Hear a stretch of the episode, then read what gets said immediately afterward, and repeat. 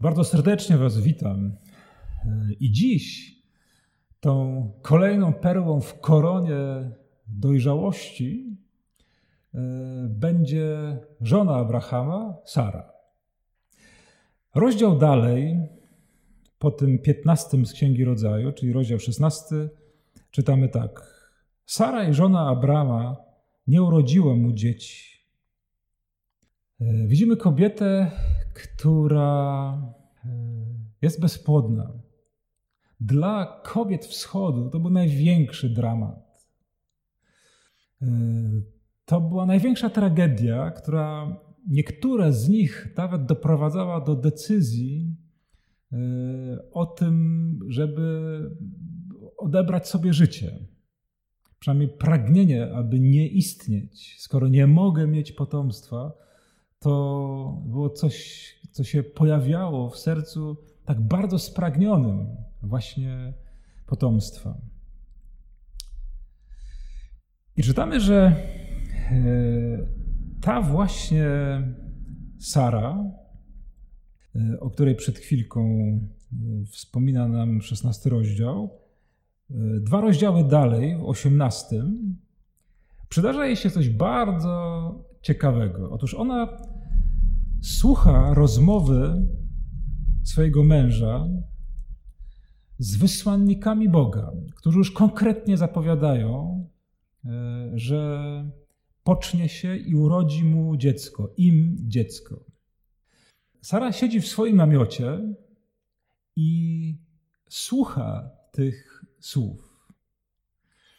I gdy nagle wyobraża sobie, że właśnie ona, która jest już bardzo posunięta w latach, a także jej mąż, e, no już taki naprawdę wiekowy pan, że oni teraz mają okazywać sobie miłość poprzez namiętność i aby właśnie w tym ich namiętnym spotkaniu mogło począć się potomstwo, które obiecał Bóg, to nagle ta myśl, która się w niej pojawia, wzbudza uśmiech na jej twarzy.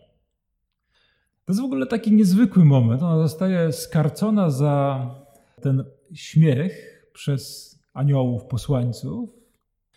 Nie przyznaje się tak do tego, że, to, że, że się śmiała z tej Bożej zapowiedzi, ale tak sobie myślę, że tutaj się pojawia taki, taki fajny bardzo moment, że uruchamiasz swoją wyobraźnię że ma się stać coś, co się w głowie nie mieści, co, do czego cię Bóg prowokuje.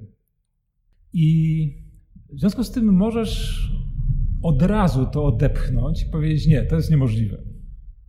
To jest jakaś ściema.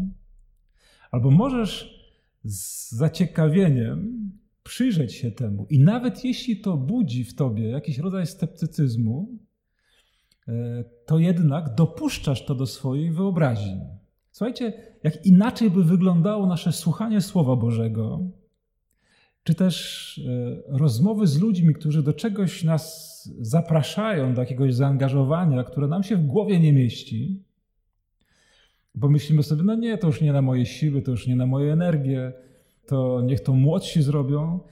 Gdybyśmy pierwsze co, gdy przychodzi taka nieprawdopodobna jakaś wizja, o której słyszymy, żebyśmy się uśmiechnęli do tej myśli, żebyśmy jej nie na pniu od razu ciach, e, co za brednie, z takim, wiecie, gorzkim, ponurym wyrazem twarzy, tylko żebyśmy pozwolili sobie na ten fajny uśmiech. Nie?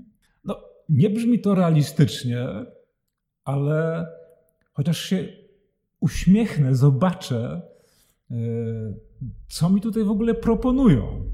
Być może dzwoni do ciebie jakaś twoja przyjaciółka i mówi: Słuchaj, zaczęłam biegać, albo zaczęłam malować. Poznałam świetną nauczycielkę malarstwa. Albo twój przyjaciel y, dzwoni do ciebie, czy pisze do ciebie i mówi: Zapisałem się na szkołę modlitwy kontemplacyjnej. E, albo na jakieś, do jakiejś szkoły pisania ikon, cokolwiek, nie? i zapraszać się, mówi, słuchaj, e, to jest super, wiesz, nigdy nie myślałem, że to jest możliwe, że ja będę w stanie to robić, e, ale okazuje się, że mogę. I byłoby świetnie, gdybyś też się do tego dała, dał zaprosić. Jeśli na dzień dobry, słysząc takie zaproszenie, zetniesz to, zmrozisz to po prostu jak kwiat, takim szronem swojego sceptycyzmu, no to słabo. Ale dojrzałość polega między innymi na tym, że chociaż to się w głowie nie mieści, to jednak skoro pojawia się to w orbicie Twojego istnienia, e, twojego, Twojej historii, skoro możesz podejrzewać, że Bóg w tym macza palce, to dlaczego nie uśmiechnąć się do tej myśli? Dlaczego nie przywitać jej e, grzecznie, właśnie z otwartymi ramionami? Nawet jeśli nie podskakujesz z radości, to jednak przywitać ją z uśmiechem, tę myśl, to wyobrażenie, które, którym Bóg zapładnia Twoje serce, którym Cię zaprasza do czegoś, co się wydaje po ludzku niemożliwe. Ten świat dlatego w ogóle jeszcze istnieje, że wielu ludzi w pewnym momencie powiedziało: A dlaczego nie?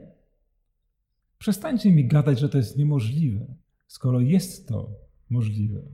Uśmiechnij się do tych dobrych pragnień, które wzbudza w Twoim sercu Bóg. Uśmiechnij się do swoich marzeń, które wciąż są żywe. Uśmiechnij się do swoich planów, które być może wraz z upływem czasu wydają się już mało realne ale uśmiechnij się tak ciepło, życzliwie. Wyobraź sobie, jakby to jednak mogło być, gdybyś zdecydowała się, zdecydował się na ten krok, do którego czujesz się zaproszony przez Boga.